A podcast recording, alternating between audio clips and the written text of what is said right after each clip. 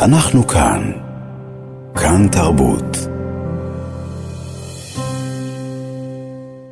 אנחנו כאן מאזינות ומאזינים, גם כן תרבות, בשבוע השביעי למלחמת שבעה באוקטובר. נדבר כעת אודות אה, שיתוף פעולה מעניין בין כתב העת לשירה, משיב הרוח ומפקדת חיל החינוך והנוער בצה"ל.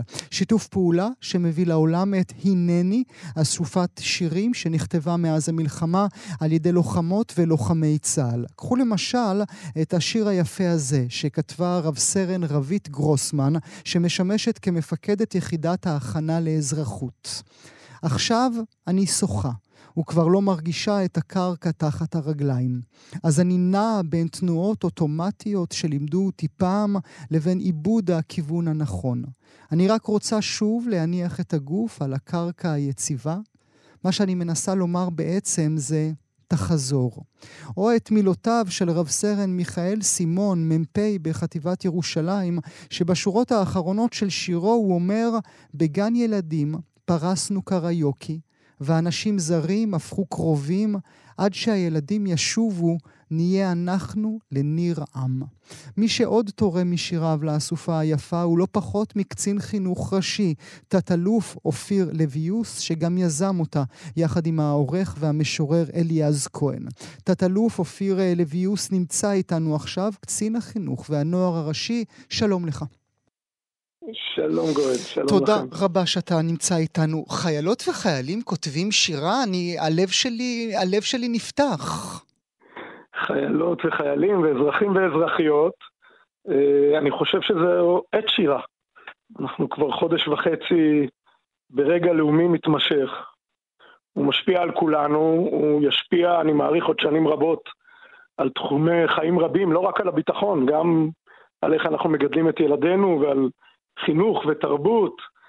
ומכיוון שזה רגע שמתחיל בכישלון גדול ואולי איזושהי התפכחות, אבל ממשיך בתוך גבורה ורוח לאומית אדירה, גם של חיילים וגם של אזרחים, זה צריך לבוא לידי ביטוי באיזשהו אופן, והדבר הזה שביקשתי מליאז לקחת בו חלק אה, יחד עם שיב הרוח, אה, קול קורא שיצא ממש ימים ספורים אחרי השבעה באוקטובר, mm-hmm. מביא איתו מאות מאות שירים ומאות כותבים גם אזרחים וגם uh, חיילים. והחיילים שנמצאים כרגע בשטח, נכון? חלקם נמצאים uh, בשטח, חלקם בסדיר, במילואים. קיבלנו גם כתיבה של אזרחים, גם הם ייקחו חלק בפרויקט הזה בהמשך. אני חושב שעם ישראל כולו מגויס. ובהרבה מובנים זה לא רק uh, מאות האלפים שעלו על מדים והגיעו כדי להגן על המדינה, אלא גם עם שלם ש... מגויס באחדות, בסולידריות, וגם הוא חש וכואב ו- וגאה, ואני חושב שלכולם יש אה, צורך להביע משהו אה, גם דרך שירה. אם אפשר דרך שירה עדיף. אז בוא נדבר שירה, אה, ברשותך. מה החיבור שלך אל עולם השירה? איך קצין החינוך והנוער הראשי, תת-אלוף בצה"ל, מגיע אל עולם השירה? ראשית, עוד הרבה לפני תת-אלוף, אני חושב ש... קצינים בצה"ל, אה, מפקדים בצה"ל, ראוי שיעשירו את אה, ימיהם ואת חייהם גם, אה, גם בעולם התרבות, אני חושב שזה עושה אותם אנשים יותר טובים ומפקדים יותר טובים, ובין היתר שירה עברית, בעיקר שירה עברית. בעיניי ליוותה מחיים גורי ואלתרמן, ודרך משוררים שהם פחות מגויסים, אבל הם ודאי אה, משפיעים עלינו, כמו לאה גולדברג. אה, היא ליוותה את חיינו מאז ומעולם, היא ציירה את חיינו, היא תיארה את מי שאנחנו אה, באופן שבעיניי רלוונטי מאוד גם להיום. ואתה באופן אישי, מתי התחלת לכתוב שירה? אני לא יודע להגיד בדיוק, אני חושב ששירה שירה שאני כותב, בהרבה מובנים מחליפה איזשהו צורך או משתלבת בצורך לעבד אה, שלושה עשורים של, אה, של אובדן, של אה, שכול, של פצועים, של פציעות שלי. זה גם יותר זול מפסיכולוג, וגם, וגם... גם וגם, גם וגם. ואם על הדרך, mm. זה גם מאפשר אולי לעורר מעט השראה, mm-hmm.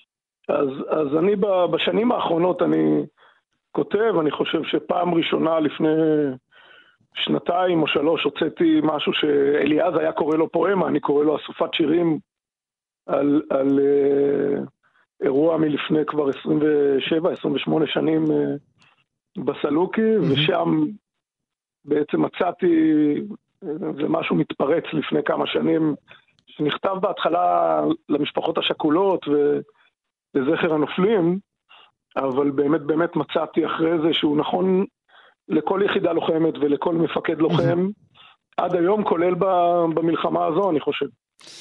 צריך uh, להסביר למאזינות ומאזינים שלנו מעט מאחורי הקלעים. אתה נפצעת פעמיים, נפצעת פעמיים קשה, האחד בשנות התשעים ברצועת הביטחון uh, בלבנון, uh, וגם uh, כאשר היית מג"ד בעזה, uh, נפצעת ואיבדת את הרגל שלך. אפשר לקום מתוך הפציעות האלה? הנפש מצליחה להתאחות? Uh, תראה, אני, קודם כל, לתיקון קל, אני... בלבנון, לשמחתי, נפצעתי אה, אה, קל מכוויות, את, אה, אבל לצערי הותרתי, השבתי הביתה חמישה הרוגים ושבעה פצועים מהאירוע הזה, ובתור סמג"ד בלחימה בעזה איבדתי את רוב רגלי. אני בין היתר, מעבר למעבר דרך כוחות ושיח יומיומי עם הרבה מאוד כוחות בשטח, אני עובר גם דרך הפצועים.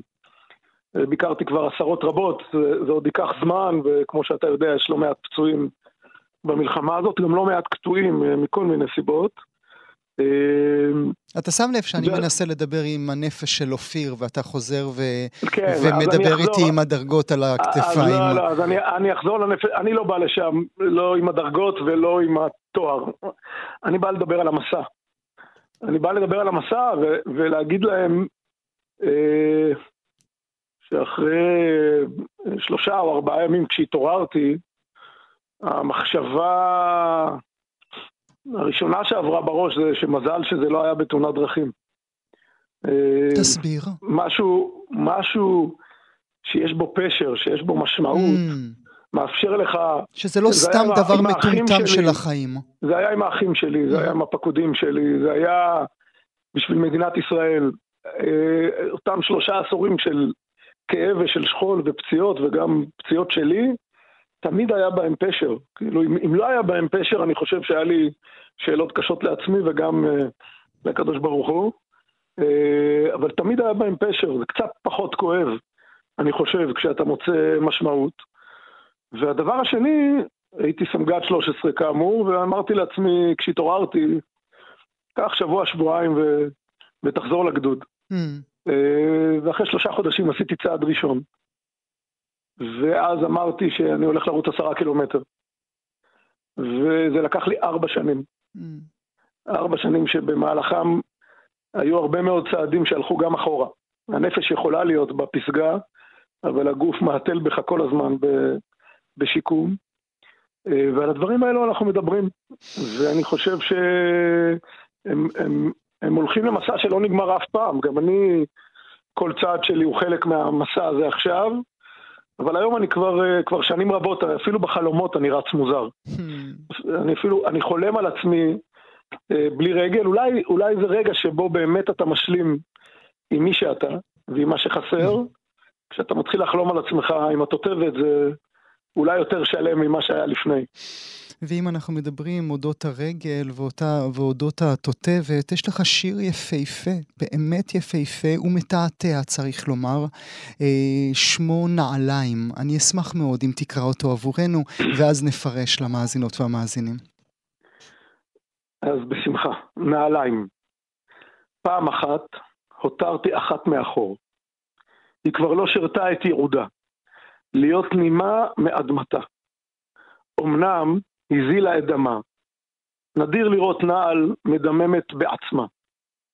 נשוב אלייך עוד מעט, לעת עתה מעפר הבת, ואליו תשובי. שלום לך נעל, ניפגש ביום מן הימים, ביום האחרון. זה פנטסטי כי אתה מדבר אודות רגל קטועה, אבל אתה מדבר אודות הנעל שנשכחה.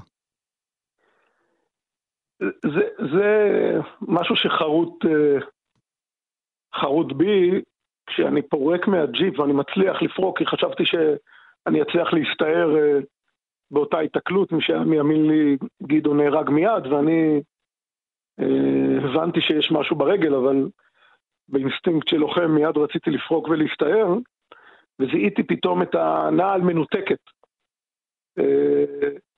אה, וזה היה נראה לי מוזר, אבל האדרלנין מושך אותך קדימה, וכמובן שאחרי צעד אחד אה, נפלתי, ואחרי מספר ימים בבית החולים הגיעו החבר'ה מחבר'ה קדישא לבקש ממני שאני אחתום על הקבורה. והיה בזה משהו מלא הומור על, שחור. על, על הקבורה של הרגל שלך עצמך. נכון, והיה בזה משהו מלא הומור שחור. אני מיד שאלתי אותם אם, אה, אם צריך לכתוב הספד, אז הם נרתעו ו... ואמרו שלא נהוג. אה, וכתבת? אבל... וכתבת? אולי השיר, mm, מעין הספד. יפה. מעין הספד. אה, אני לא, אני לא מצפה שהיא תשוב אליי, אם כי עכשיו בתמרון הגדול בעזה, יכול להיות שכשיגיעו לאזור שזה קרה, אם ימצאו רגל, אז יכול להיות שישיבו לי אותה, אבל, אבל בינתיים החלופה היא לא רעה בכלל. זה מה שמשאיר אותך צועד קדימה, נכון? אה, גם התרבות, גם השירה, אבל גם הרבה הומור. אני חושב שהומור זה דבר נהדר וחשוב בחיינו. גם הומור שחור, ב... בקרב לוחמים הומור שחור בעיניי אה, הוא רכיב אה, משמעותי מאוד. לא, לא, לא בשביל מלנכוליה. אני, אני חושב שנועדנו לחיות, וגם כשאנחנו מאבדים דברים, ואני אומר את זה גם לקוחות שאיבדו לא מעט אה, לוחמים בחודשים האחרונים. אני, אני נוסע עם איתי אה, לא מעט ברכב, בעיקר שאני נוהג לבד. ואני לא, לא נוהג לפתח שיחה עם, אה, עם איתי, אבל הם, הם נוהגים לפתח איתי שיחה מדי פעם. מה הם אומרים לך? ולפני שנים רבות הם כבר אמרו לי, אתה, אתה חייב להמשיך לחיות. א', אנחנו צריכים אותך חזק בשביל המשפחות שלנו. וב', אתה צריך לגדל משפחה. ואתה צריך להמשיך לפקד. אני נוהג לה, לה, להאזין למתים, אה, ואני לוקח את זה איתי כל הזמן. אה, הם, הם פעם אחרי פעם אומרים לי שמהאשמה שלא השבתי אותם אין לי הרבה מה לעשות, אשמה היא רגש משתק, אבל אחריות, אחריות שבה אתה הופך להיות אדם טוב יותר, חיוני יותר, אה, במובנים הצבאיים גם מקצועי יותר, עם זה יש הרבה מה לעשות. Mm. אז אני, אני אחראי שלא השבתי אותם, אבל אני משתדל אה, לצמוח מזה כל הזמן. רק כן, נאמר למאזינות והמאזינים, אולי זה גם יוביל אותי לשאלה הבאה שלי, מלבד אותו, אה, אותו אוגדן, הנני, אה, שיתוף הפעולה ביניכם, אה, בין, בין מפקדת חינוך, חיל חינוך ונוער בצה"ל וכתב העת לשירה משיב הרוח, מספר מהשירים מתפרסמים גם במחנה, שאחרי שבע שנים חוזר שוב לפעולה. כי מה? כי מה אתה מצפה מהחיילת או החייל שנמצאים כעת בשטח ומקבלים לידיים שלהם את במחנה וקוראים שיר אחד או שניים? מה אתה מבקש להעביר להם? ראשית צריך לזכור שחלק גדול מחיילינו, ודאי אלו שנמצאים אה, אה, בתוך עזה וגם כאלו שנמצאים אה, בגבולות האחרים, אין להם פלאפונים. הם ללא שום גישה דיגיטלית ובעיקר בעיקר מה שמגיע אליהם זה דברים כתובים. ואני חושב שבמידה מסוימת זה מזכה קצת, כמו מלחמה בכלל, אה, את הרעיונות ואת האידאות שלנו. והרגעים האלו שחייל, בעיקר בעיקר אה, בתוך המחלקה, הצוות, הפלוגה, או בתוך הטנק, אה, מוצא רגע לעצמו לעיין במעט הדברים ש, שיש לו, אני חושב שזה הפסקה לרגע בתוך רצף של לחימה, ובהרבה מאוד מובנים כמעט המצב האנושי, כן, הכי מורכב שאדם יכול להיות בו, לחזור ולגעת בחיים. אני לא חושב שבמלחמה אין חיים. חושב שבמלחמה הפלוגה זה המקום הכי מוגן, והמשימה זה המקום, אה, זה המקום הכי אה, מוגן. לא מזמן אמרתי לחייל שעבר uh, כמה רגעים מורכבים, שיש סיכוי גדול שהפלוגה והחטיבה תנצח בלעדיו, אני לא בטוח שהוא ינצח בלעדיהם.